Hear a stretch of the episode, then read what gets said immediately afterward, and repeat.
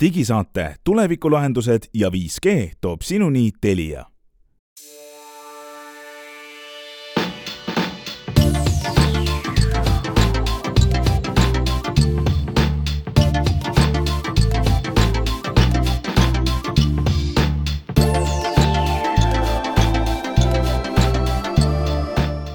tere, head kuulajad, käes on üheteistkümnes juuli, nimetud digisaade on teiega järgnevateks minutiteks. Ja siin saates on täna teiega Hans Lõugas, Henrik Roonemaa ja Meelis Väljamäe ka. Äh, räägime sellest, et äh, tõukerataste, elektrooniliste, elektriliste tõukerataste rivistusse on Eestist saabunud üks uus põnev täiendus äh, arutame sellest, miks Elon Musk ikkagi ei taha Twitterit osta ja kuidas iPhone muutub peatselt digitaalselt kuulikindlaks üks kiire äpi soovitus, räägime võib-olla natukene Netflixi uuendustest ja mobiilivõrkudest ja lõpetame sellega. Mm, kuidas valida endale uus PC, kui te tahate ehitada normaalse lauaarvuti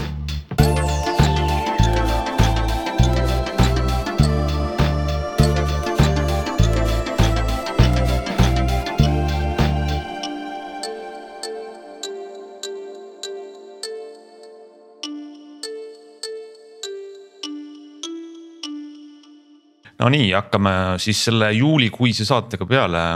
kõik tänavad, kes on veel linnas muide liigub, ma ei tea, kui palju meil siin rahvast liigub linnas kuulajatest või teist siis äh, linnas. inimesed vuhisevad elektrilistel tõukeratastel, sest et sooja ilmaga on see nii mõnus, seisad seal, äh, ventilatsioon puhub. Ähm, ja tüüpiliselt, eks on siin Tallinnas näha kahte suurt äh, teenusepakkujat, Bolti ja Tuult. Ähm, ja ühega neist võib-olla seostubki järgmine uudis, Äike Äh, Eestis siis äh, elektritõukerattaid arendav äh, bränd Äike on toonud välja oma uue mudeli nimega Äike Tõh või Äike T. mis on siis võib-olla kõige erilisem fakt selle mudeli kohta on see, et ta on täielikult Eestis toodetud, vähemalt nii lubab see firma, vähemalt kokku pandud, ma oletan Eestis täielikult.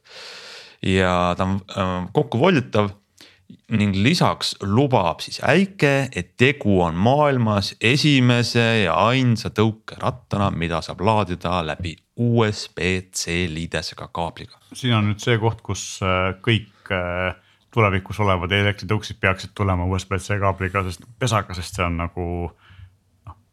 väga mõistlik asi, eks ole, miks peaks olema mingisugune suvaline enda laadimislahendus, kui, kui saab sest tänapäeval on USB-C ju toetab päris suuri laadimisvoole, eks ole, nii et ei tohiks olla küsimust.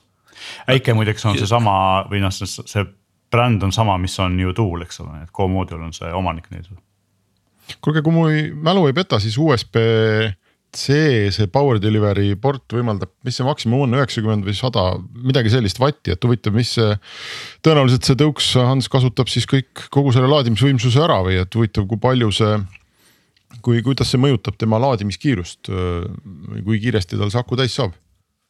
seda ei ole siin öeldud jah, me ei tea, sõiduulatus ühe laadimisega on nelikümmend kilomeetrit, no ütleme, väga suur aku see ei ole minu arust ka, on minu teada ka suurema akuga mudeleid.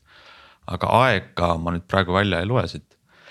aga ma ei tea, mina tahaks öelda, et see, see kõik kõlab väga tore, et iga uudis, kus on kirjas, et see mingi seade on jälle laetav USB-C-ga, tundub automaatselt meile tore ja ma saan sellest täiesti aru aga mul on reservatsioon selle äh, noh, uuenduse suhtes, et tõukeratas USB-C, see on üks probleem, USB-C on selline liides, mille sa pistad pesasse selle kaabli otsa ja ta on seal tihedalt sees ja siis tõmbad välja. Äh, ja see on kõik okei okay, sellise väiksemat sorti tarbijaelektroonikaga, mõtleme, ma ei tea, arvutid, telefonid, ähm, kõrvaklappide topsikud. aga suur vidin, nagu on ratas või tõukeratas siis on selle USB-C liidese otsaga on see probleem, et eh, noh, et kui sul midagi juhtub, sa tõmbad seda ratast või komistad selle juhtme otsa. siis kahjuks sa mitte ei tõmba seda seadet, noh kujutage ette näiteks väikest ähm, kõrvaklappide laadimise doosi on ju. et kui sa tõmbad seda juhet, siis see doos liigub sellega kaasa, midagi, miski ei kahjustu. aga suure ja raske seadme puhul, kui sa tõmbad seda juhet sa ei tõmba seda ratast enda poole, vaid sa murrad seda pistiku otsa on see minu esimene reaktsioon, ma ei ole seda ICAT-i muidugi äh, nagu lähemalt uurinud või tutvunud sellega, aga. aga mul on, minu arust on see olukord, kus USB-C ei tee oma tööd, et sellised magnetliidesega pistikud on suurte asjade laadimiseks nagu kuidagi praktilisemad. ja aga küsimus on selles, ei ole küll insener, ei oska öelda, kas magnetliidesega pistikud töötavad äh, hästi nii suure koguse voolu edastamiseks, et seal on ikkagi nagu noh. okei, Maci, Macil on nelikümmend viis vatti, eks, jah. ja, ja jalgrattastel on ka, nii et noh. okei okay., mina pole näinud, mina olen näinud kõiki füüsilise pistikuga siiamaani jalgrattaid ei, mul isiklikult ongi üks ja nende konkurent Eestis, Ampler, kes nüüd ka teeb ise noh, niivõrd-kuivõrd konkurent teeb Magnet sellega otsikuga, aga. eks ta on nagu selline mm, valiku koht selle vahel, et kas sa tahad ähm, universaalsust, et USB-C ülisuur eelis on see, et sul ilmselt ikka on mõni USB-C laadija kodus ja noh, et äh, alati leiad laadimise võimaluse. tõuksidega on see vist keerulisem, aga tegelikult kui nagu elektriratastest rääkida, Amplerist ja muudest, siis minu arust Ampleri kõige nõrgem koht, kuigi ta on väga ilus ratas ja väga hea ja Ampler on ka. üks eeliseid on see, et on hästi kerge võrreldes paljude konkurentidega, eks. aga minu arust nagu põhiline negatiivne omadus Ampleri puhul on see või üldse taolistel ratastel, et aku ei käi ära, et mulle meeldib see, kui rattal käib aku ära, sest et kui mul on ikkagi kuskil garaažis ta või kuskil all, kus mul ei ole voolu kuulas, ma saan aku tuppa kaasa võtta ja täis laadida on ju, nende puhul see ei ole võimalik. et suurel rattal oleks nagu ärakäiv aku oleks nagu väga hea lahendus no muidu ja, ja võib-olla see käib ka selle laadimise kohta ka, et see, ma saan aru, äike tõh on mõeldud siis nii-öelda isiklikuks äh, sõiduks, mitte, mitte rendiratas või selline et.... jah, sest et nendel tuuleratastel, mis on sama tootja tehtud, nendel ongi see mm, -hmm. nad olid esimesed Eestis, kes tegid oma rattad või need tõuksid niimoodi, et aku käib välja ja nad võtavad mitte ratta kaasa ööseks, võtavad aku kaasa mm. -hmm ja see on, ütleme selliste rendirataste puhul hästi mõistlik. just.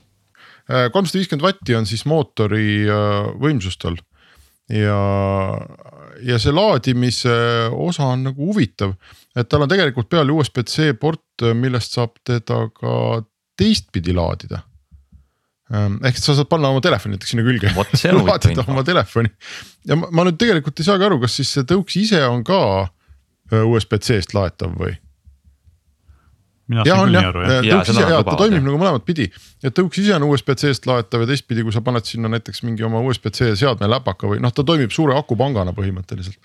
Mm, et, et siis Aga... saab oma teisi seadmeid ka laadida. see on väga lahe positiivne on sealjuures veel see, et äh, sellise väikse edumeelse Eesti firmana on see konkreetne innovatsioon saanud ka päris palju rahvusvahelises meedias tähelepanu, et ma vaatasin Electreki inimesed, kes on siis nende samade meeste blogi, kes tegid ka, teevad ka nine to five Google'it ja nine to five Mac'i, eks ole, siis.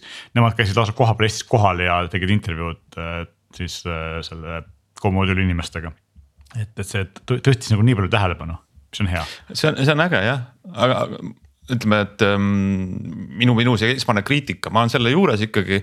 aga kui sa ütled, et see toimub ka akupangana, siis see on nagu väga nutikas ja see muudab ta selliseks noh, isiklikuks üheks ähm, sinu isiklikuks vidinapargis oluliseks osaks, et sul näiteks ei ole vaja suvel kaasas kanda akupanka tõesti. sul on häda käes, sul on telefoni natuke voolu vaja, sa saad seda oma tõuksi seest, see on nagu äh, õigustab seda USB-C pesa, pesa päris hästi ma ei tea, kui palju te olete maailmas ringi käinud viimasel ajal, aga tuletame meelde, et sel samal tuulel on esinduspood Pariisis.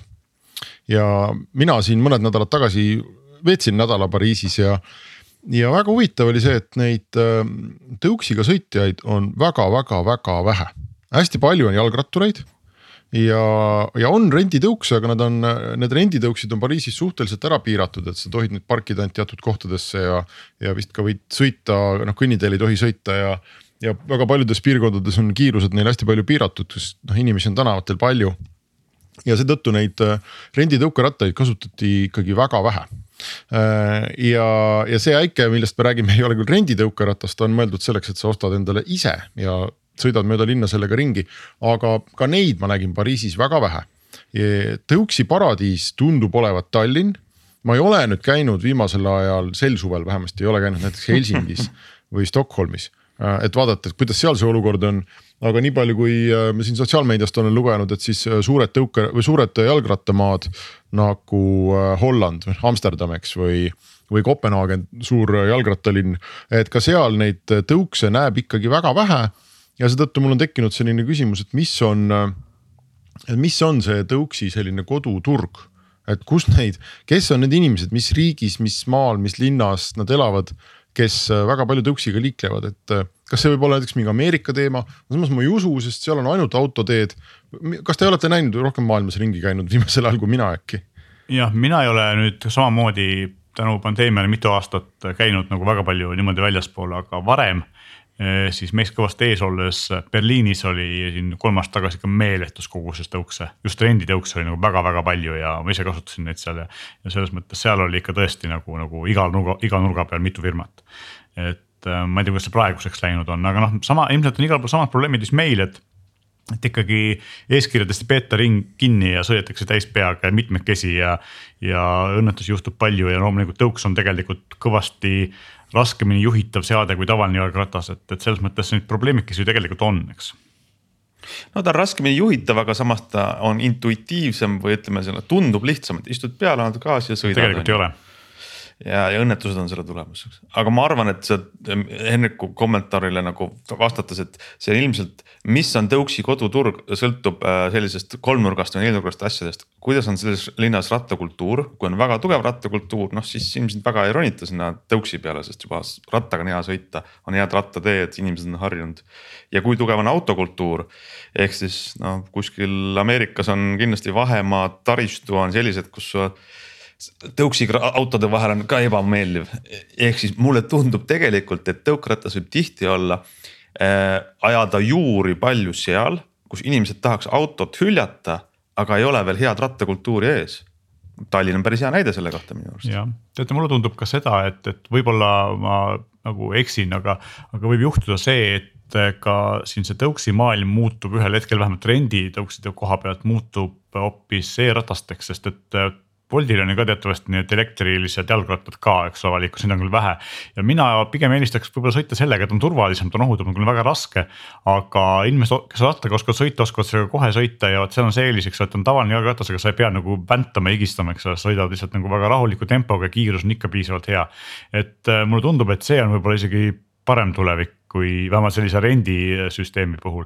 neid nii-öelda klassikalisi jalgrattaid kondiauruga on renditud ju maailmas väga palju juba aastakümneid, eks ole jah, aga see, see küsimus tegelikult me võiks küsida äh, Kristjan Maruste käest, kes seda, kes on Tuule üks kaasasutajaid et, äh, et kus on jah, see, et mis on selline, selles mõttes on see õige märkus on, et see võib olla nagu mingi linn, kus inimesed õudselt tahavad sõita äh, mitte autoga, aga ratta, ratta nagu struktuuri ei ole. aga, aga huvitav, et mis linn see siis on ja teiseks, et miks see tõuk siis on parem seal kui, kui, nagu päris ratas et see on kuidagi ta kukub nagu sinna vahepeale, mulle väga tõuksid meeldivad, ma ei, ma ei räägi siin selleks. et äh, võiks küsida nende käest seda, kas nad plaanivad kunagi ka ratast teha. Aga, aga see selleks, aga iga, igal juhul on see, et mina tahaks siia juurde öelda, vaadates seda tänast Tallinna pilti, et kui te tõuksiga sõidate, siis eriti kui isikliku tõuksiga sõidate, mitte rendikaga, siis esimene asi kodust välja tulles kiiver pähe ja teine asi, kui te sõidate inimestest mööda, siis äh, jalakäija kiirusel, et äh, mitte sealt ei tohiks tohutu kiirusega mööda, mööda lennata. ja loomulikult, kui signaali anda, siis signaali tuleks anda võimalikult kaugel eh, inimesest, et muidu ta ehmatab, hüppab ette, eks ole, et see on ka väga ohtlik mina ei saa päris täpselt ka aru, ma tahaks siia lisada omapoolse selle, ma kirjutasin, meil oli Facebookis pikk arutelu ka. Ehm, kui te olete nüüd lapsevanem, kes kuulab seda saadet siis teadke, et need vähemasti Bolti tingimustes, tõuksi rendi tingimustes on see, et alla kuueteist aasta ei saa sõita. ma näen linnas kogu aeg äh, selliseid silma järgi üheteist, kaheteist, kolmeteist aastasi nende tõuksidega, mõnikord isegi mulle tundub nooremaid. mõnikord on nad seal kahekesi, kolmekesi peal äh, ja ma, ma alati mõtlen, kuidas nad saavad selle. see makse on ju krediitkaardiga, eks ole tingimuste järgi nad ei tohiks saada, järelikult ainuke variant on see, et ema-isa mingil põhjusel on lubanud ja miks nad seda täpselt lubavad ja miks see, ma ei tea, ei huvita politseid või Bolti. et, äh, et neid tingimusi, renditingimusi selgelt rikutakse, ma ei saa päris täpselt aru. ja siin võiks kõik oma, oma osa teha, eks ja ma, kui äkki kuulab mõni politseinik meid, võiks kinni pidada, teha trahvi sellistele. ja, ja vanemad võiksid siis ikkagi vaadata, et et kas see on okei okay,, et nende üheteistaastane kihutab selle tõuksiga mööda tänavaid ringi või kui kihutab, siis vähemasti tasuks teatud koolitus äkki lapsele teha, et kuidas see kultuur ja ohutus ja kõik see nagu käib noh, siin on okei okay,, Ants, midagi, mina tahtsin seda öelda, et üks asi on see, et Bolti juhiti lihtsalt sellepärast, et raha, eks ole, Bolt on selline äh, firma, kes nii seaduse kui klientide suhtes väga aktiivselt keskmist sõrme viibutab kogu aeg, et see ei ole nagu saladus, eks ole, kellelegi ilmselt. politsei puhul on pigem see, et politseil ei ole igal pool silmi, et ma arvan, et nad tegelikult püüavad ja teevad trahvi ka, sest see on neile suureks pinnuks silmas, aga. aga pigem on see, et neil lihtsalt ei ole piisavalt palju jõudu, et igal, iga tänavanurga peale neid, neid ei jätku. aga viimasest nädalast on ka uudis muide eelmisest ähm, teisipäevast vist oli, kui ma õigesti ku,, kuues kolmapäevast. et äh, täpselt vastuseks teile mõlemale, politsei Tallinnas ei, on oma fookuse suunanud hoopis mujale, nimelt politsei on viimastel nädalatel kõrvaldanud Tallinna liiklusest kümmekond elektritõukeratast, millelt oli elektrooniline piiraja eemaldatud ning mille juhti ootab karistuseta juhtimisõiguseta mootorsõiduki juhtimise eest. ühesõnaga, ta, politsei on toonud fookuse nendele ratastele, mis on, sõidavad liiga kiiresti, on liiga võimsad, ei vasta elektritõukerata või kergliikuri nõuetele, on pigem selline nagu märgistamata mootorratas mitte nendele lastele, kes noh, nagu sa ütlesid, sõidavad seal hunnikuga ühe tõukeratta peal no,. Õnneks meil ei ole siin saates praegu Glenni, muidu ma räägiks veel nelikümmend kaheksa minutit sellest. jah, aga mina aga... olen nagu sellega nõus, ma tean, et Glen ei ole sellega nõus, aga need seadmed on eriti ohtlikud ja neid tegelikult tulekski liiklusest eemaldada. nii sõitjale saade... endale kui ümber, ümbritsevatele inimestele. üks saade, me laseme teid kokku ühte saatesse ja siis vaat-, ise lähme toast ära ja vaatame, mis juhtub. kuulge, aga lähme järgmise teemaga edasi ka äkki ja muideks ma ütleks siia vahele, et alles oli uudis, et äh, Tallinna linnas piiratakse jätku jär, järgmistel kaheksakümnel äh, tänaval ju kiirus kolmekümne peale ka sõiduautodel mm, -hmm. nii et, et noh, selles mõttes kihutamise vastu on praegu ilmselt siin paljud. riik eriti äh, no viimasest nädalast me ütleme siin suve, suvel ju palju ei juhtu, aga me ei saa üle ega ümber sellest, et Elon Musk ei andis nüüd siis teada, et ta tahaks väljuda sellest eh, planeeritavast tehingust, et osta ära Twitter. ja ajendiks või siis õigustuseks, mm, ettekäändeks on see, et ta väidab, et Twitter kui ettevõte ei ole, on, ei ole käitunud ausalt, ei ole andnud eh, ostjale siis ausat infot, vaid hoopis on eksiteele juhatanud, andnud valeinfot selle kohta, kui palju on Twitteris kas siis mm, võltskontosid või spämmkontosid ja mm, tundub, et äh, justkui Musk ei, ähm, tema väitel ta ei, ta ei, ta ta ei saa ausalt kaubale ja selle tõttu tahaks selle tehingu tühistada ja noh, kogu see mõnes mõttes mulle tundub, et ma tahaks näha kedagi, keda see üllatab. sest äh, võib-olla pärast esimest paari päeva või nädalat, kui seal oli uudis, et on Twitterit ostmas tekkis juba laialt levinud skepsis, et see kõik on üks suur peeglite ja sutsumäng ja võib-olla juhitakse tähelepanu muudelt tema, tema muude ettevõtete probleemidelt kõrvale või on lihtsalt asendustegevus. sellepärast, et üsna peatselt pärast minu arust tehingu ostu huvi väljakuulutamist hakkasid peale sellised protsessid, et uuritakse kontode seisu ja, ja ja pöörati tähelepanu detailidele, mis oleks võinud olla selged enne, kui tehing välja kuulutati. aga mina ei imesta, kui see asi nüüd tõesti lõpuks ähm, vajubki tühja. mina ei ole kunagi uskunud, et see tegelikult nagu päris soov oli tal, vaid pigem oli sihuke stunt väga kallis küll ja. Nüüd ju räägitakse ikkagi, et, et kipuvad asjad sinnapoole minema, et mitte ei jää Twitterile võlgu miljard, vaid need äh, aktsionärid siis soovivad ikkagi seda vaheraha ka saada oma Musk'i käest kätte, mis on siis selle tema pakutud müügihinnal ja praeguseks kõvasti kukkunud Twitteri hetkeaktsia hinna vahe, eks ole, et seal on noh. päris suured numbrid mängus. Ja huvitav on ka see, et see Twitteri, äh, Twitteri juhtkond äh, ütleb praegu, et nemad kavatsevad minna nüüd äh, kohtusse ja sundida Elon Musk'i siiski seda tehingut lõpuni viima, et et see Twitterit ikkagi ära ostma.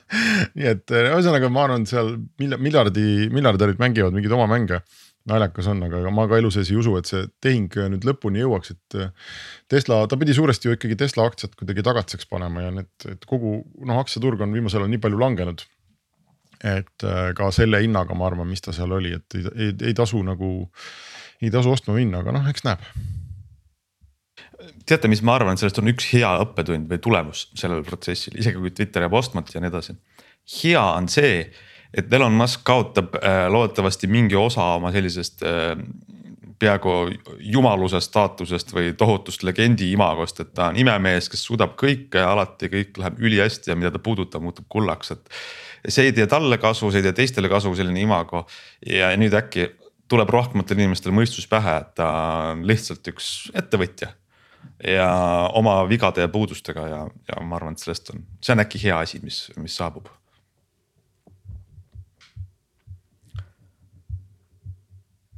Lähme edasi, äh, räägime, ma vahendan nüüd paremat uudist, mis eelmisel nädalal Apple'ilt tuli, nimelt ähm, juba juuni alguses oli küll uus arendajate konverents uue iPhone'i operatsioonisüsteemi ja teiste opsüsteemide osas, aga nüüd siis ähm, Apple avaldas, et sügisel äh, uue iOS-iga mm, on siis üks huvitavat sorti uus režiim tulemas iPhone ides, selle nimi on lockdown mode ehk siis nagu lukus olev režiim.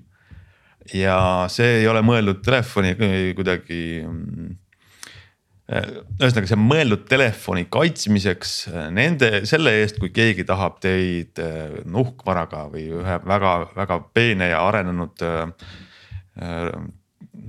sellise küberründe tarkvaraga rünnata. Põhimõtteliselt on siis võimalik oma telefoni edasi kasutada, aga see režiim paneb telefoni niimoodi lukku, et enamus seda nimetatakse ründepinnast või siis nendest kohtadest, kus mingisugune pahavara võib enda koodi käivitada, on lihtsalt välja lülitatud. no mis tähendab, et näiteks selline lockdown režiimis telefonis äh, ei tööta enamikud sõnumite attachment'id, pilte saab vaadata, aga, aga tihti see pahavara sokutatakse telefonidesse läbi mingisuguse kavalalt saadetud näiteks sõnumi või iMessage'i teate. see on välja lülitatud veebi brausimises on enamik selliseid keerulisemaid tehnoloogiaid, mille kaudu saab telefoni sokutada pahavara, välja lülitatud äh, isegi Apple'i teenustest. Apple selles mõttes on nagu huvitav lähenemine, et isegi nende enda teenuseid ei ole usaldatud, et äh, sellised kutsed teenuse pakkumused ja isegi sisse tulevad Facetime'i kõned on blokeeritud, välja arvatud juhul, kui siis see telefoni omanik ise näiteks tahab kellegagi alustada Facetime'i kõnet. et põhimõtteliselt läheb üsna sihuke punkerrežiimi läheb telefon, et peaaegu midagi ei toimi, kui sa ise ei äh,, seda ei käivita. ja Apple ütleb ka, et see on selline ekstreemne turvameede, mis ei ole mõeldud keskmisele kasutajale, vaid väga väiksele protsendile inimestest keda siis sihivad äh, näiteks äh, selle huvitav väljend lausa mm, äh, nation state sponsored mercenary spyware, mis siis võtab kokku, et on riigid on palganud erinevaid eraettevõtteid looma sellist pahavara, et kellegi telefoni pealt kuulata.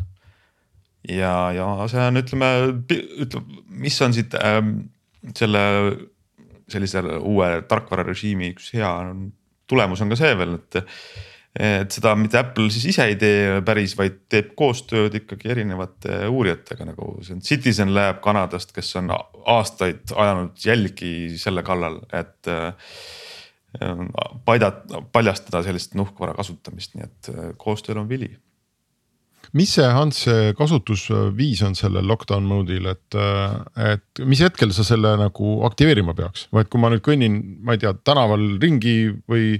või, või üldse telefon on normaalasendis, kas mul peakski olema see kogu aeg siis nagu aktiveeritud ja sees või, või, või ainult siis, kui ma, ma ei tea, läbi lennujaama turvakontrolli lähen või oled sa aru saanud sellest?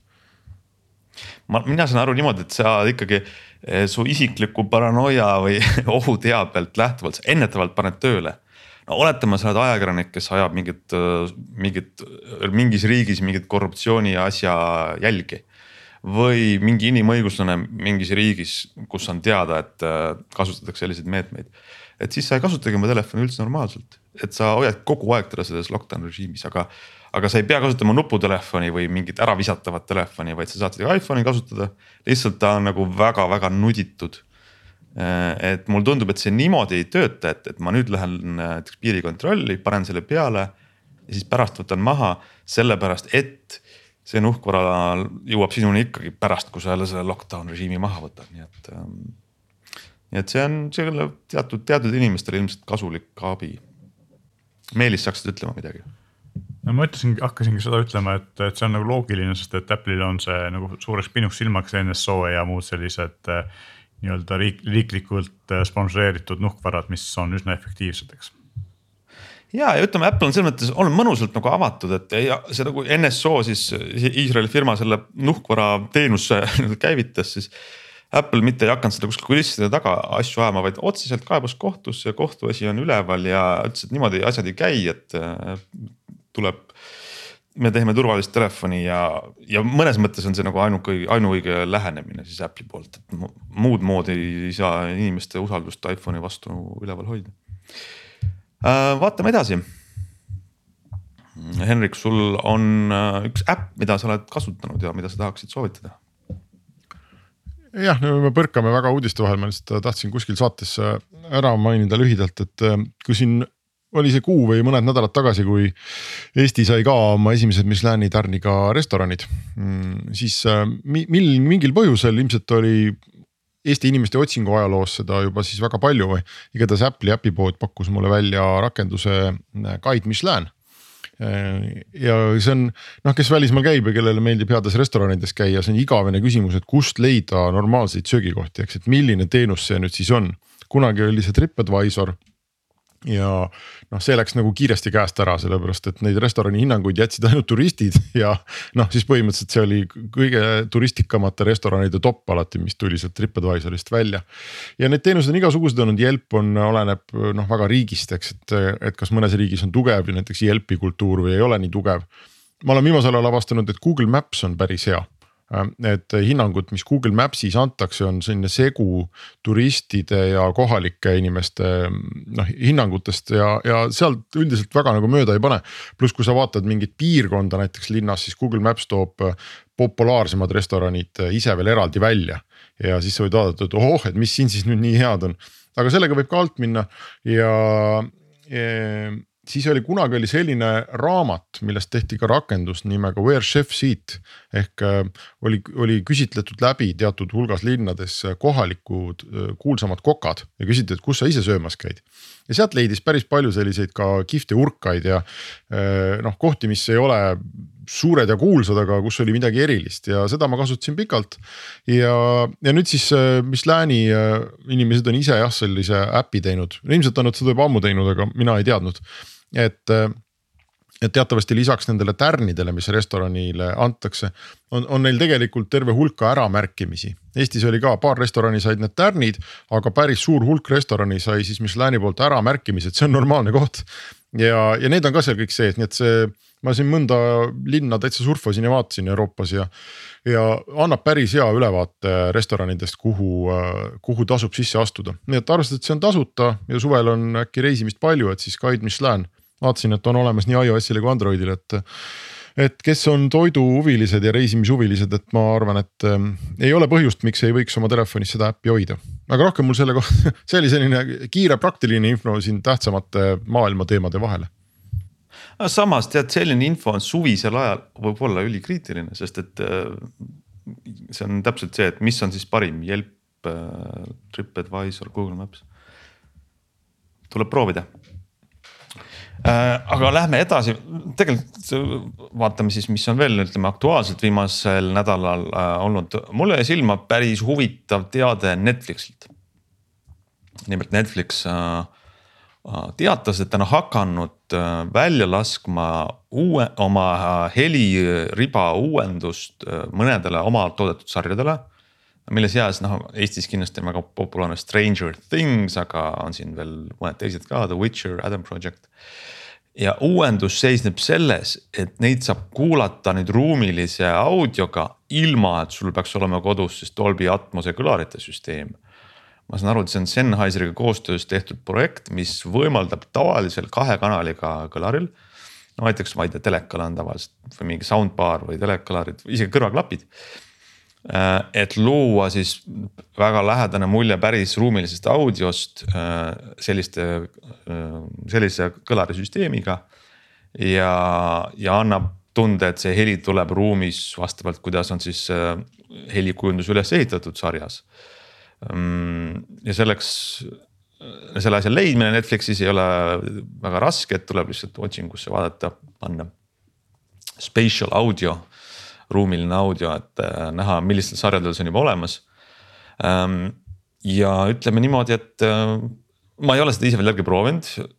aga kui see nüüd ka Eestis olevatel sarjadel Eestis on olemas, miks ei peaks, eks päris kihvt, sellepärast et äh, ma arvan, et nende inimeste protsent, kes kasutavad Netflixi mingisuguse Dolby Atmos kodukinosüsteemiga võrreldes kõigi teiste Netflixi kasutajatega on ikkagi tohutu mäekõrgune vahe ja kui see ruumiline audio, mis on päris efektne, kui see on hästi toodetud. kui see jõuab kõigini, siis on see nutikas läbimurre. ma just mõtlesin, et äh, peaks proovima, kuidas see töötab kõrvaklappidega, kuna mulle tundub, et see on mm -hmm. nagu see põhiline just. asi, kus, kus seda võiks nagu tajuda. Kui see töötab hästi, siis mulle meenutab see seda, et mäletate, kui esimene iPhone tuli välja kahe kaameraga versioon, see oli vist iPhone X. ja siis ütles Apple, et me suudame nüüd teha seda, et me pildistame portreefoto niimoodi, et kahe kaamera pildi analüüsi tulemusel me teeme tausta uduseks ja eesolev asi on mitteudune et meil on vaja mingi eririistvara selleks, et teha äge asi ja siis tuli, läks natuke aega mööda, tuli mingi Google Pixel välja, mis tegi ühe kaameraga täpselt sama asja. ehk siis tarkvara suudab simuleerida seda eelist, mida enne mainis riistvara siis see tundub mulle päris nagu sarnane tulemus, kui me suudame kahe kanaliga simuleerida sama tulemust. seda on võibolla... aastakümneid üritatud teha ja kunagi see oli nagu sihuke lapsekingades, viimasel ajal on ta läinud päris nagu seitsme pennikorma saabastega edasi, see kvaliteet, eks ole, et ju siis on jõutud sinnamaani, kus saab, saab hakkama ja on näha on, et ka Netflix ei ürita seda ise välja mõelda, ta võtab ikkagi profid appi ja antud juhul Sennheiseri poolt siis ja, ja tegutsevad koostöös aga võib-olla, kui siin juba meediast rääkisime või filmidest ja sarjadest, siis viskaks siia vahele sellise asja, et asjad, mida sa oled endale ostnud digitaalselt, ei pruugi olla tegelikult sinu omad, ehk siis. Playstationi pood müüs kunagi filme ja sarju ja mingi hetk lõpetasid selle ära ja siis lubasid ja, et kõik, mis sa ostnud oled, on jätkuvalt vaadatavad.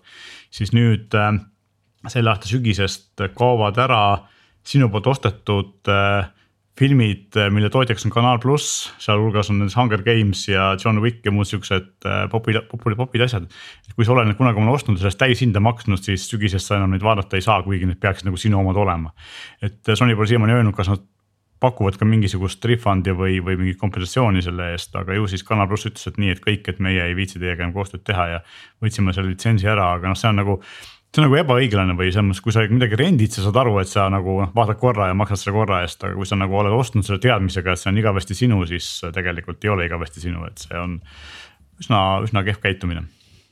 ja ühtlasi põhjus, miks ei peaks võib-olla meediat ostma, vaid rentima ja täpselt, et äh, ma, ma ei saa üldse aru, miks peaks digitaalset meediat tänapäeva maailmas keegi endale ostma. sa saad seda, no ainuke juhtum on see, kui sa arvutad, et mitu korda sa saad nii-öelda pead, pead rentima, et see noh, ostuhinnaga võitu tulla, aga ma arvan, et see on, ma ei tea, kümme korda või, või midagi sellist, mis sa siis pead tahtma seda filmi vaadata, et kes need inimesed on, kes ei suuda meelde jätta pärast kümnendat korda ka, mis filmis toimus ja tahavad äh, ikka uuesti vaadata. nägin nägin artiklit, kus öeldi, et jah, et inimesed on nagu aru saanud, et muusikat ei, ei taha keegi tänapäeval enam osta ja kõik nagu nii-öelda rendivad või kasutavad, ma ei tea, mingi Spotify'd või midagi taolist, aga filmidega nad ei ole veel selle arusaamiseni jõudnud, siis minu jaoks on selles mõttes kummaline, siis nagu vastupidi, et filmi sa vaatad korra-kaks, noh kui see väga äge film on, siis vaatad elu jooksul viis korda, aga muusikast sa ilmselt kuulad mingit lemmikasja sadu kordi, eks ole, et, et see ostmine on seal nagu peaks mõttekam olema, kui, kui filmide puhul, eks no kuigi ma saan aru inimestest, kes on äh, näiteks suured filmi ja mingite seriaalide fännid ja, ja võib-olla koostavad iseenda kollektsiooni ja, ja näiteks tahavad selle edasi pärandada oma lastele või lastelastele. Äh, aga, aga sellisel juhul ma nagu pigem soovitaks asi a la Blu-ray peal hankida või noh, mingil füüsilisel kujul, eks ole, et sa paned selle riiulisse ja, ja sa saad selle üle anda, noh seal on ka see, et ikkagi igasugune meedia tänapäevases kiirelt liikuvas maailmas on varsti vananenud, et teda väga hästi pärandada ei õnnestu, kui sa kunagi ostsid VHS-i pealt, siis tänapäeval on see nagu kehv ja kui sa ostsid selle DVD peal, siis ka väga vähe on nagu masina, mis ta mängiks, rääkima sellest, mis kvaliteet seal on, eks ole, et see võib-olla ei ole ka ajas väga jätkusuutlik, see ei ole nagu foto, mida sa pärandad, eks ole, või mingi raamat, mis on nagu paberi peal, et. siis need on nagu natukene teistsuguse väärtusega. aga mis me siis teeme, ütleme, okei okay,, see andmekandja vananeb, et sa VHS-i ei saa käivitada ja Blu-ray mängijad võib-olla kaovad ka varsti ära, ma ei tea, suhteliselt kadunud juba. aga siis on küsimus, okei okay,, digitaalne fail aga see on kodeeritud mingisuguses koodekis tavaliselt no,. Okay, mis me jah. siis nüüd valime? Eh, mingi Avi MP4, mul ei ole mingit garantiid, et see viieteist aasta pärast on avatav mingi tarkvaraga, on ju. kuidas, kuidas nüüd te teha, kuidas leida selline noh millenniumiks äh, säilivuse garanteeriv formaat, et, et ma saaks järeltulevatel põlvedel oma lemmikfilme näidata. no vaata, et see ongi, see on, ei ole ainult ju selles probleem, see, ei olegi võimalik, ütleme siis lihtsalt nii. aga, aga see ei ole ju ainult nagu, nagu selles suhtes probleem, et see minu arust on veel suurem probleem on see näiteks, ma ei tea, ma olen mõelnud korra, kunagi, mõnikord selle peale, et riigiasutused või mingi sellised, kes peavad nagu arhiveerima mingisuguseid dokumente, eks ole, et täna me arhiveerime selle ühes formaadis ja. ja mis, mis garanteerib, et see kümne või kahekümne, viiekümne aasta pärast on loetav, eks ole, siis me peame seda regulaarselt neid arhiive nagu ümber tõstma ja konvertima ja tegema, et see on tegelikult nagu taustal väga suur töö ja, ja selline väga oluline asi. Et see, et me oma meediat ei näe, see ei ole tegelikult võib-olla väga tähtis, aga, aga see, et mingisugune sünnitunnistus on saja aasta pärast olemas, see on tähtsam no nii ja naa jällegi, ma ütleks, et bürokraatia nagu üks korralik ühiskond on, suudab endale sisse programmeerida sellise, nagu sa ütlesid, kümne aasta järel mingisuguse ümberformaati tõstmise. aga minu kui üksikisiku jaoks on traagika suurem, kui ma seda oma lemmikfilmi nüüd ei näe. Sony selle võttis mult ära, iTunesis enam ei ole. ma ei ole kindel selles, sest et kui su traagika on sul hetkel see, et sa ei näe seda lemmikfilmi ja kui sulle öeldakse kolmekümne aasta pärast, kuule, et aga meil ei ole su pensioni jaoks andmeid, eks ole, et, et sa ei olegi ju tööd teinud see on, see on veits traagilisem tõsi, tõsi, hea, hea võrdlus äh,. muidugi ma tahtsin sulle veel sinu uudise kohta öelda, et see Playstationi uudiste mainimine Eestis on veel selle võrra veel traagilisem, et minu arust Playstationi pood Eestis on mitteametlikult olem-, ei ole olemas, tähendab ametlikult enamus oste käib läbi mõne teise regiooni. ja siis me oleme Eestis olevad Playstationi kasutajad on veel nagu äh, mitte teise, vaid võib-olla kolmanda järgu kodanikud seal, et noh, et me ja. üldse ei peaks ju kuuluma sinna. tegelikult vähemalt soomlased teevad siin Eestis sellega suhteliselt head tööd, et me oleme sihuke hallil alal äh, üsna hästi eksisteeriv Playstationiga, et Xbox'iga on see veel keerulisem, et minu arust kõige viimane asi oligi see, et kolmekümnendal juunil tuli äh, esimene Xbox Gamepassi äpp teleritele, Samsungi uutele teleritele, mis, kus saab siis kuumaksu eest, eks ole, mängida, kus see kuumaksu pakett on lisaks ka teleri peal, mitte ainult konsooli või arvuti peal. ja loomulikult seda ei ole Eestis saada, kuna Xbox'i teenust ametlikult Eestis ei ole, siis Samsung seda meie Balti regioonis ei paku. lihtne see ongi äh, ometi, aga, aga räägi edasi, räägi edasi, sest kuidas see siis telekas töötab, mis riistvara peal need mängud jooksevad? Äh, sul peab olema, noh teleka enda, see on selles mõttes ta on striimitav ah, pildist mm, -hmm pilvest, eks ole.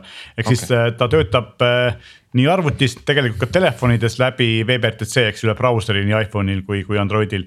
ja töötab ka siis ähm, Xbox'i peal, enda peal ja, ja arvutite peal, et sul ei pea olema mingi võimas seade, vaid sa saad nagu nii-öelda pilvest äh, stream ida, aga telekate puhul on see ju väga hea, et kui sul on telekas või mingi nutiseade, mingi pulk olemas ja ühendad sinna puldi ja mängid, eks ole, et maksad oma kuumaksu ja sul on kõik nii-öelda tippmängud, Halo'd ja muud asjad olemas. aga häda on jällegi regioonidega, noh teine küsimus on see, eks ole, sul peab olema, sa pead serverile piisavalt ligid olla, meil vist on kõige lähemal Rootsis, nii et noh, tegelikult kannatab mängida küll, aga jah, arvuti peal sa saad mängida, sest Eesti krediitkaarti lastakse sinna külge panna ja töötab. aga näed, Samsung ütleb, et unustage ära, et ei ole meie, meie regioonis saadaval ja, ja ma arvan, et kui see tuleb varsti ka teistele teleritele LG-le, siis ma arvan, et neil on umbes sama poliitika. et täpselt samamoodi oli see, kui mina üritasin lihtsalt huvi pärast ühendada oma LG pesumasinat ja Google Assistantit.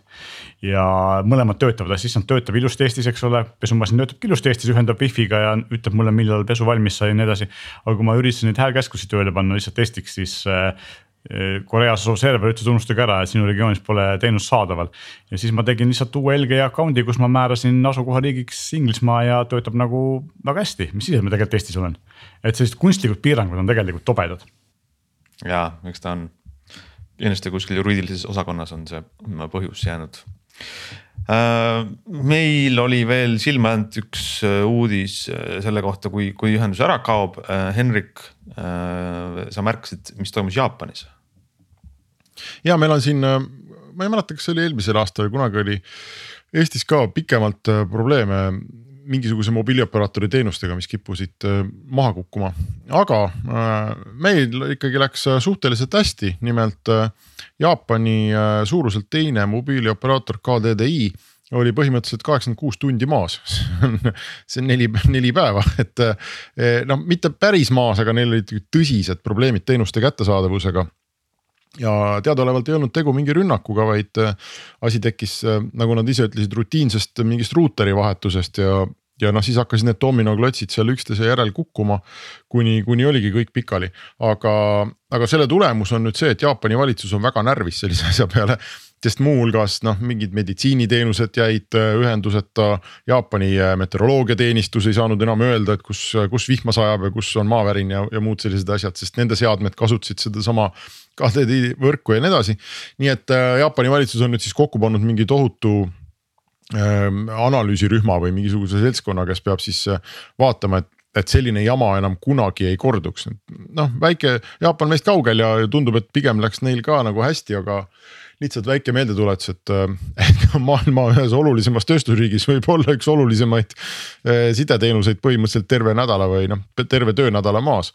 Või vähemasti pool töönädalat ja, ja et me väga nagu sõltume nendest teenustest see ei olnud ka ainus, et natuke väiksem, aga päris suur samasugune asi juhtus Kanadas, kus üks suurimaid operaatoreid Rogers oli samuti maas just mobiili osa siis, et seal ei saanud samamoodi teha hädaabikõnesid ja muid selliseid asju ja Kanada on teatavasti selline riik, kus, kus väga palju riigist sõltub mobiilsest sidest, sest et äh, hästi külm on ja hästi-hästi kaugel üksteisest asuvad väiksed, väikesed, väiksed asulad, eks ole, et. ja seal oli see natuke vähem aega oli maas, aga vähemalt öeldi et, kakskümmend viis protsenti kogu riigist nagu oli, oli selle, selle pärast nagu natukene kannatas, kas siis täielikult oli silmasideta või, või osaliselt, et see on päris suur, suur hulk just siis mobiilsidest, et mitte ainult, mitte, mitte kaabliga side, aga kuna Kanadas mobiilside on nii tähtis, palju tähtsam kui meil, siis, siis see on noh, et ühesõnaga kahes suures riigis, suures ägedas tööstusriigis korraga, eks ole, on selline suur, suur jama.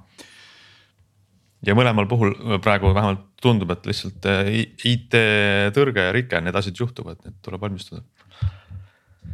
nii ähm,, lubasime veel rääkida täna ka sellest äh, tänase saate natuke äh, pikemas teemas, et miks äh,, kuidas ja mismoodi äh, valida omale PC-d ja et mitte olla lihtsalt igav ja vaadata valmis komplekteeritud arvuteid, mis on, mida on poes päris palju müügil ja kus tegelikult annab ka valikut teha, siis.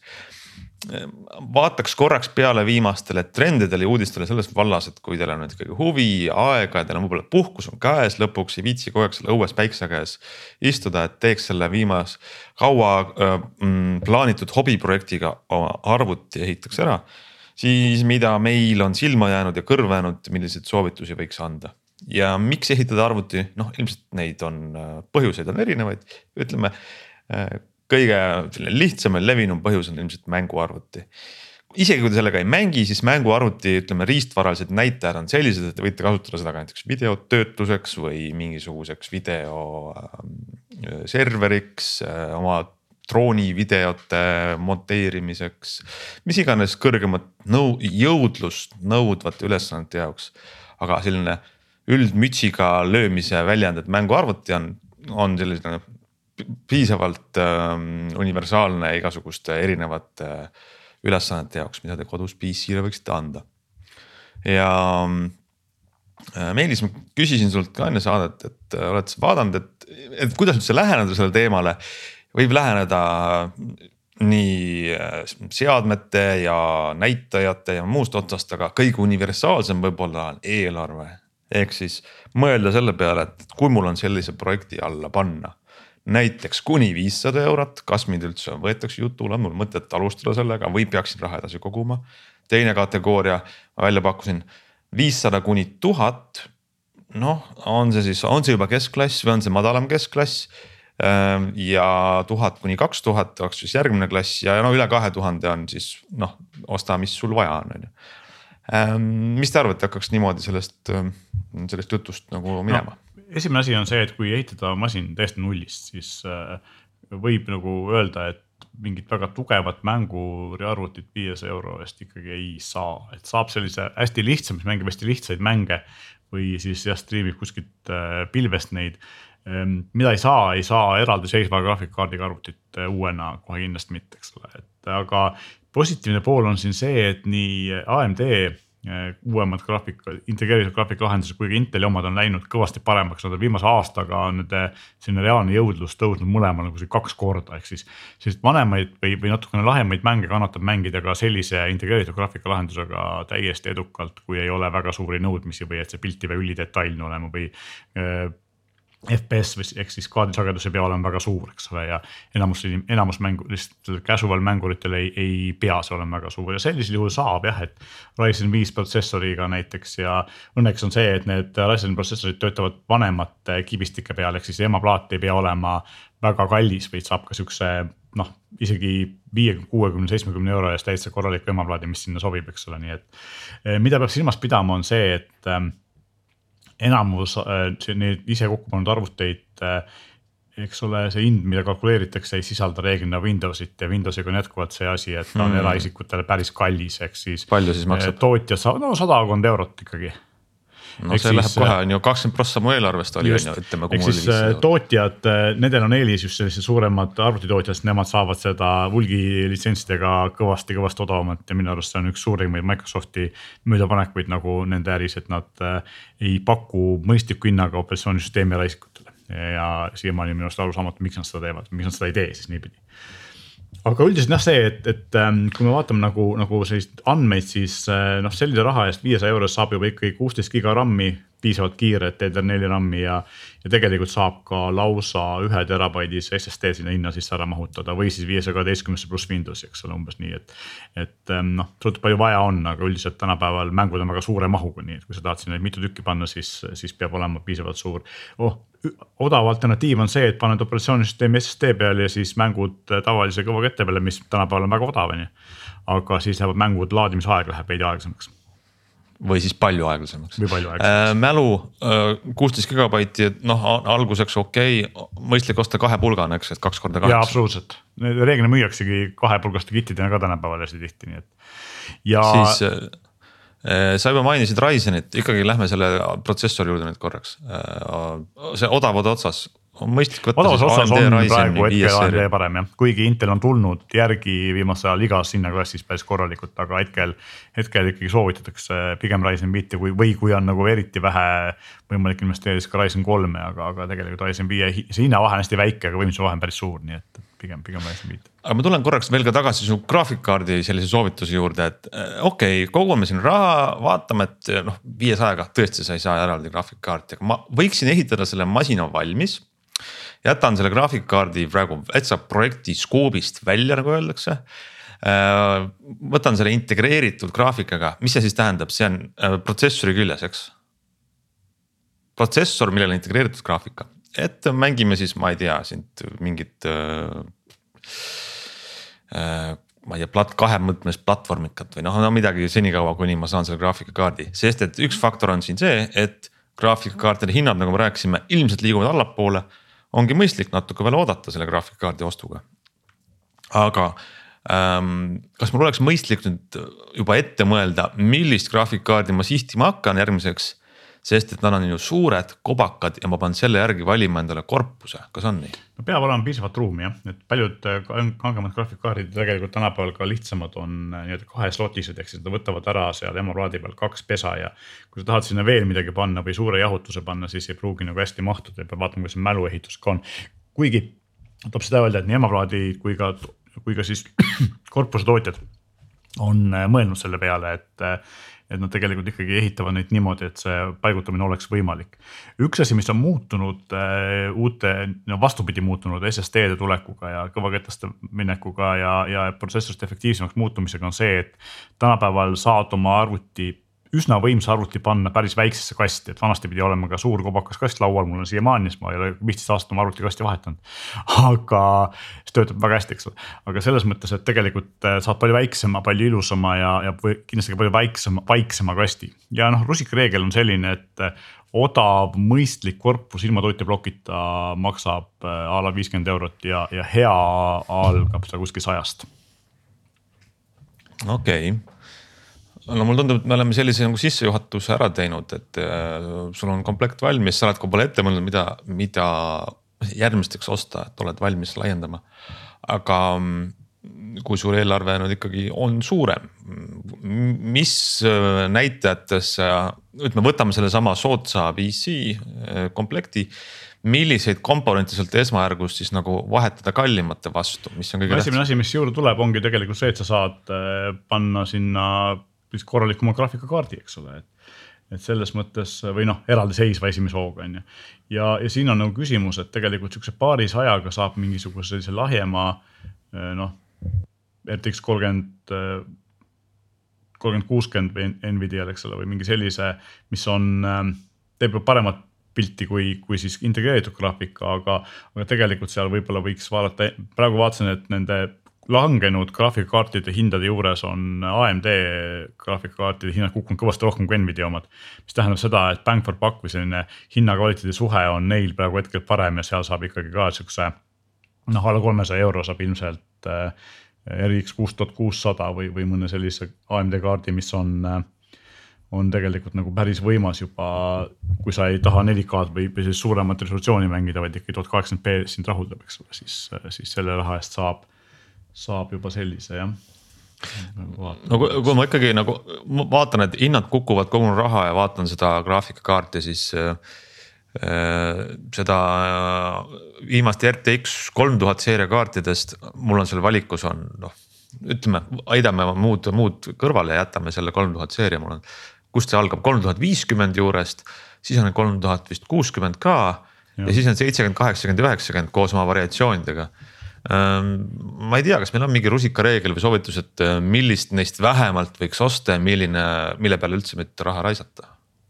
no kolmkümmend, viiskümmend on selline noh, ma ütleks, et kui, kui tõesti paremat ei jaksa osta, siis võib, võib osta, aga, aga sellest nagu mingeid väga äh, suuri tulemusi oodata ei tasu, eks ole, et äh, aga kui siis jah, pigem, pigem võib-olla siis selline lihtsam AMD kaart, mis on siin noh, kakssada kakssada kakskümmend, alla kahesaja viiekümne, eks ole, et. aga kolmkümmend, kuuskümmend on juba nagu täiesti arvestatav.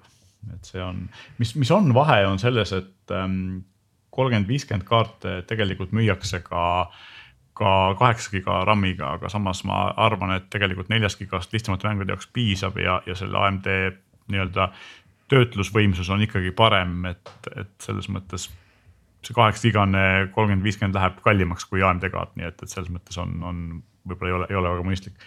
kolmkümmend, kuuskümmend aga küll, eks aga ütleme nii, et äh, graafikakaarti valides tuleks ka mõelda selle peale, et mis mul pilti näitab, eks, et see resolutsioon on see. see, mis nõuab ja eeldab seda valikut. no selle, selle peale tuleb mõelda tegelikult nii äh, nii äh, graafikakaarti kui ka protsessorit valides, eks ole, et kui mul on tuhat viiskümmend või tuhat kaheksakümmend B mängin, siis jah. see sõltub ka sellest, eks ole, kui ma, kui ma ostan ikkagi viiesaja eurose või tuhande eurose või isegi tuhande viiesaja eurose arvutis, ega ma sealt äh, suurema resolutsiooniga väga hea kaardisagedusega pilti kätte ei saa aga kui ma tahan mängida jah 4K-d või, või siis tuhat nelisada nelikümmend B-d, siis tegelikult peaks ikkagi olema juba noh, vähemalt äh, kolmkümmend, kuuskümmend, tuhat nelisada nelikümmend B jaoks ja, ja kolmkümmend, seitsekümmend või kaheksakümmend, kui ma tahan mängida 4K-d, eks ole, et kolmkümmend, seitsmekümnega väga hea tasemega veel 4K-d veel ei saa. aga küll on see, et, et et jah, see, see on sõltub nagu, nagu hinnaklassist, et ikkagi, kui me räägime kuni tuhat viissada eurot mängude arvuti, siis sellega mängib ikka tuhat kaheksakümmend B kvaliteedis ja noh, tegelikult enamuse mängurite jaoks ongi sellest piisav, nad pigem vaatavad seda, et see kaardisagedus oleks piisavalt kõrge, eks ole, et, et mäng oleks sujuv, mitte, mitte see, kui, kui suure resoga täpselt on. sest nagunii ega sa eriti detaili ei näe, kui kiire liikumine ekraanil toimub, kus just ei mängi mingi strateegiamängi, kus on suur resolutsioon hästi oluline, eks ole et, et selles mõttes on ja, ja siis on, seal tulevad juurde mängu ka, eks ole, erinevad sellised eh, uuemad tehnoloogiad nagu Nvidia DLSS, mis siis äh, kunstlikult tehisintellekti abil üritab seda graafik, pilti ilusamaks teha, et ta renderdab madalama resoga.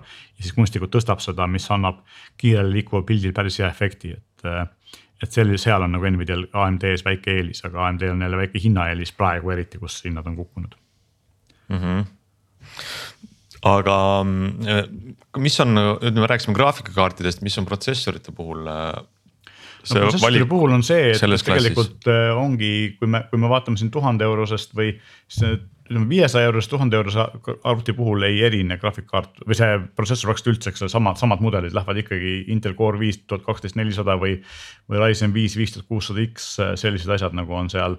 aga kui me lähme nagu kallimaks, siis seal tuleb juba noh, ütleme tuhande viiesaja euroses komplektis saab juba põhimõtteliselt mingi.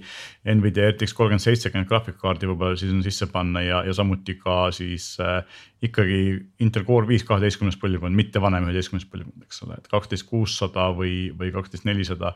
et seal on hetkel on Intelil väike eelis, vahe on lihtsalt selles, et AMD protsessorid on seal sama raha eest või sama, samas hinna, samas kvaliteediklassis natuke kallimad, aga, aga emaplaadid natuke odavamad, nii et tegelikult tuleb nagu see suhteliselt sarnane, siis peaks vaatama, mida parajasti turul pakutakse, eks ole, et kuna hinnad on praegu hästi liikumas, siis väga keeruline öelda. mida peab arvestama, peab arvestama seda, et võimsama protsessori, võimsama graafikkaardi juures on sul kindlasti kohe vaja ka võimsamat toiteplokki. ehk siis äh, see ei tohi pudelikaelaks jääda, sest muidu juhtub see, et lihtsalt arvuti lülitab välja, kui see liiga palju voolu võtab. ja, ja seal on juba see, et, et peaks olema ikkagi sihuke vähemalt seitsmekümne viie vatine või, või, või noh, vähemalt kuuesajane, aga pigem su suurem äh, toiteplokk, mis on ka kohe tõstab hüppeliselt hinda, eks ole, et see on kaks korda kallim kui, kui lahjem nii et, nii et see on, ei ole lihtsalt, ei piisa ühe komponendi väljavahetamisest, vaid äh, tuleb vaadata no,. no jah, et ja, ja siis võib hakata vaatama võib-olla natukene kas suuremat mälu, et kuueteist giga asemel kolmkümmend kaks ja võib-olla natuke kiiremat mälu. ja noh, siis vaadata, võib vaadata ka seda, eks ole, et palju siis tegelikult ruumi vaja on, et kas võiks olla juba kaks tera SSD või, või sinna mingid tavalised ketlad veel juurde panna. et need asjad tulevad ka juurde ja noh, loomulikult on ka see, eks ole, et et soodsama hinna juures enamus äh, protsessoritel on kaasas oma jahutus, aga see oma jahutus kipub tegema suhteliselt korralikku müra või noh, väiksemad on nad küll, kui nad olid aastaid tagasi. oluliselt vaiksemad, aga eraldi jahutus ikkagi on vaiksem ja tegelikult äh, lõpptulemus, kui sa ostad juba sihukese paari tuhandese hinnaklassiga arvuti, siis võib-olla võiks vaadata ka vesijahutust, need on tänapäeval hästi lihtsalt paigaldatavad, nad ei, ei erine eriti tavalisest õhkjahutusest ja on ka vaiksemad ja efektiivsemad, eks ole, nii et Meelis, räägi seda, et äh, vaata, kui mõned aastad tagasi, veel äh, paar aastat tagasi oli, äh, isegi veel eelmisel aastal, ma arvan, oli suhteliselt kindel see, et kui sa lähed ostma mitte kõige odavamat, aga ütleme sellist noh, keskmine pluss või isegi tippprotsessorit, siis sa lähed, võtad AMD, sest Intelil oli päris korralik auk seal sees oma tootmisprotsessides. mul on nagu jäänud testidest mulje, et viimastel aegadel nad on nagu järele võtnud, aga, aga ma, mul on kuidagi segaseks jäänud, et kui palju nad on järele võtnud, noh seesama äh, Inteli kaksteist tuhat seitsesada kõh äh, ehk siis Core i7. seda peetakse, see näitab nagu paremaid tulemusi kui võrreldavad AMD protsessorid, aga vist võtab ka äh, ebaproportsionaalselt rohkem voolu kui AMD protsessorid või kui palju sa oled seda maailma uurinud, äkki sa natuke saad meile avada seda? Ma üritasin seda uurida, tegelikult on hästi palju segadust, et neid teste tuleb järjest juurde ja kuna need Inteli protsessorid siin osaliselt alles turule tulevad või on just tulnud hiljuti. aga jah, põhimõtteliselt ongi see, et kui vahepeal oli ikkagi AMD tegi nagu puhta töö ja oli kõvasti eespool ja Intel ei saanud vastu, siis selle kaheteistkümnenda põlvkonnaga Intel saab vastu päris hästi, aga, aga seal ongi just nagu sa mainisid, et AMD on efektiivsem, kuna nende see nõud või siis nii-öelda see eh, protsessori protsessor on väiksem füüsiliselt need tehakse väiksema, väiksema protsessi peal, et ta võtab, on, on kompaktsem ja võtab selle võrra vähem voolu. aga, aga tegelikult on Intelil ka nüüd kaheteistkümnendal põlvkonnal tehtud samamoodi ju nagu oli kunagi või noh, siiamaani on mobiiliprotsessoritel, seal on need vähem voolu võtvad tuumad ja rohkem voolu võtvad tuumad ja. ja kui ta töötab nii-öelda rahulikus režiimis, teed seal mingit tekstitöötlust, siis ta võtab väga vähe voolu ja siis, kui sa paned mängu käima, siis ta järsku nagu hakkab väga palju voolu võtma, eks ole, et. et seal on see oht küll, et AMD võtab jah suhteliselt äh, ikkagi vähem voolu, aga äh, praegu on üldise jõudluse poolest on Intel järgi tulnud ja kohati mööda läinud ja just see, et nad on oma protsessorid väga agressiivselt hinnastanud, sest et Intelil on nagu seda turundusjõudu, eks ole, nad suudavad lihtsalt ka miinusega müüa, kui nad väga tahavad, AMD seda väga teha ei saa.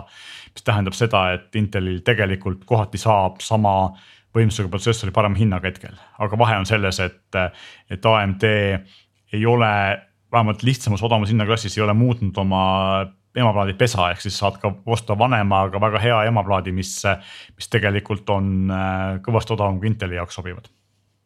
et see vahe nagu võib-olla nullib selle ära või noh, see sõltub nagu täiesti sellest, mis, millist emaplaati sa valid ja millist protsessorit sa valid, aga, aga jah, praegu on ikkagi niimoodi, et see Inteli sarnases hinnaklassis Inteli eh, ja AMD vahe on, on üsna võrdne, ehk siis see sõltub sellest jah, et mis protsessor täpselt, millises hinnaklassis ja. ja kas keegi teeb mingeid pakkumisi või, või nii edasi, et tegelikult eh, nad on, on praegu üsna huvitav konkurents seal turul. aga graafikakaartide puhul on ikkagi see, et Nvidial on päris suur eelis jõudluse poolest ja AMD väga tugevalt vastu ei saa, et AMD-l ainuke eelis ongi graafikakaartide puhul see, et, et nende hinnad nüüd, kus see kaevandamine on vähemaks läinud, on rohkem kukkunud kui Nvidia omad, et, et praegu hetkel saab nagu lihtsalt parema hinnakvaliteedi suhtega odavamas hinnaklassis saab AMD-lt või siis keskmises hinnaklassis kolmsada, nelisada eurot selles hinnaklassis. aga kallimas otsas, kus meil on kolmkümmend, kolmkümmend kaheksakümmend Ti ja kolmkümmend üheksakümmend ja sellised noh, üle tuhande euro maksvad graafikakaardid, seal ikkagi on Nvidia teeb puhta tööd praegu. Selge pilt, ma arvan, et jah ma võib-olla mainiks paari sõnaga ka monitori, et, et noh, üks asi on see, et sa võid osta endale arvuti, aga sul monitori ka vaja, eks ole, siis äh, tegelikult on läinud hästi kõvasti on kukkunud äh, suhteliselt suurte ekraanidega kolmkümmend, kakskümmend seitse, kolmkümmend kaks tolli äh,. isegi 4K, aga ka tuhat kaheksakümmend B ja suure, suure värskendusagedusega kakssada nelikümmend hertsi, sada nelikümmend neli hertsi hinnad on läinud ikkagi sihukeseks täiesti kättesaadavaks, et noh, saja euroga saab täiesti korraliku monitori, paarisajaga saab väga hea monitori. ja tegelikult, kes tahab suuremat, siis äh, siis ma ütleks, et ärge ostke monitori, vaid ostke omale neljakümne kaheksa tolline LG Oled teler. mis toetab sada kakskümmend hertsi 4K sisendit, nii et mängimiseks suurepärane. ja Oled on teatavasti väga kiire ka, tal ei ole praktiliselt üldse lag'i. ja tulemas on ka neljakümne kahe tolline Oled, mida veel küll meil müügil ei ole, aga Eestis, aga ta kohe-kohe peaks saabuma, nii et. et see on juba selline noh, ütleme kahe monitori asemel üks suur on võib-olla mõistlikum sihuke väiksem teler võtta. väga hea soovitus ja üks asi on ka see, et, et kui me vahepeal nägime siin päris palju turul, eks ole, kumeraid telereid, mis väga kiiresti ära kadusid. siis mängimiseks kumermonitor on tegelikult väga hea ja neid on paljudel, paljudel tootjatel ka olemas, Samsungil, MSI-l ja nii edasi, et, et tegelikult äh, mängimiseks on kumermonitor väga mõnus ja ma tahtsin öelda, et väga hea soovitus, sõltub sellest, milline on siis kodus mängulaua või ütleme, sellise nurka ülesehitus, et. ma kujutan ette, et neljakümne kaheksa tolline telekas mängimiseks, kus sa istud sellele üsna lähedal on lihtsalt selle nurkade vaatamine nõuab nii-öelda juba teadlikku pingutust, aga kumerama ekraaniga monitori puhul on see nagu Just. lihtsam. noh, teine asi on ka see, et väiksema arvuti, mis väiksemas korpuses tänapäeval on, saad sa võib-olla kuskil elutuppa kapinurga taha ära peita ja ühendada tavalise oma korraliku suure telekaga ja siis vaadata seal nii muid asju kui ka mängida, eks ole, et ka see on võimalik, eriti kui sa ei mängi klaviatuuri hiirega, vaid puldiga. see sõltub ka sellest, mida sa teha tahad. kui sa tahad mängida klaviatuuri hiirega, siis sul peab muidugi olema spetsiaalne laud selle jaoks klaviatuuride hiired on muidugi omaette teema ja see on liiga pikk teema seda siin arutada, et see on jah just kindlasti jõuame ka selleni tagasi, kui on PC valmis ehitatud ja aeg mängima hakata. aga ma arvan, et täna võime öelda kõigile kuulajatele suure tänu, pidage suve jooksul vastu, meie oleme teiega tagasi juba vähem kui nädala aja pärast, järgmisel esmaspäeval.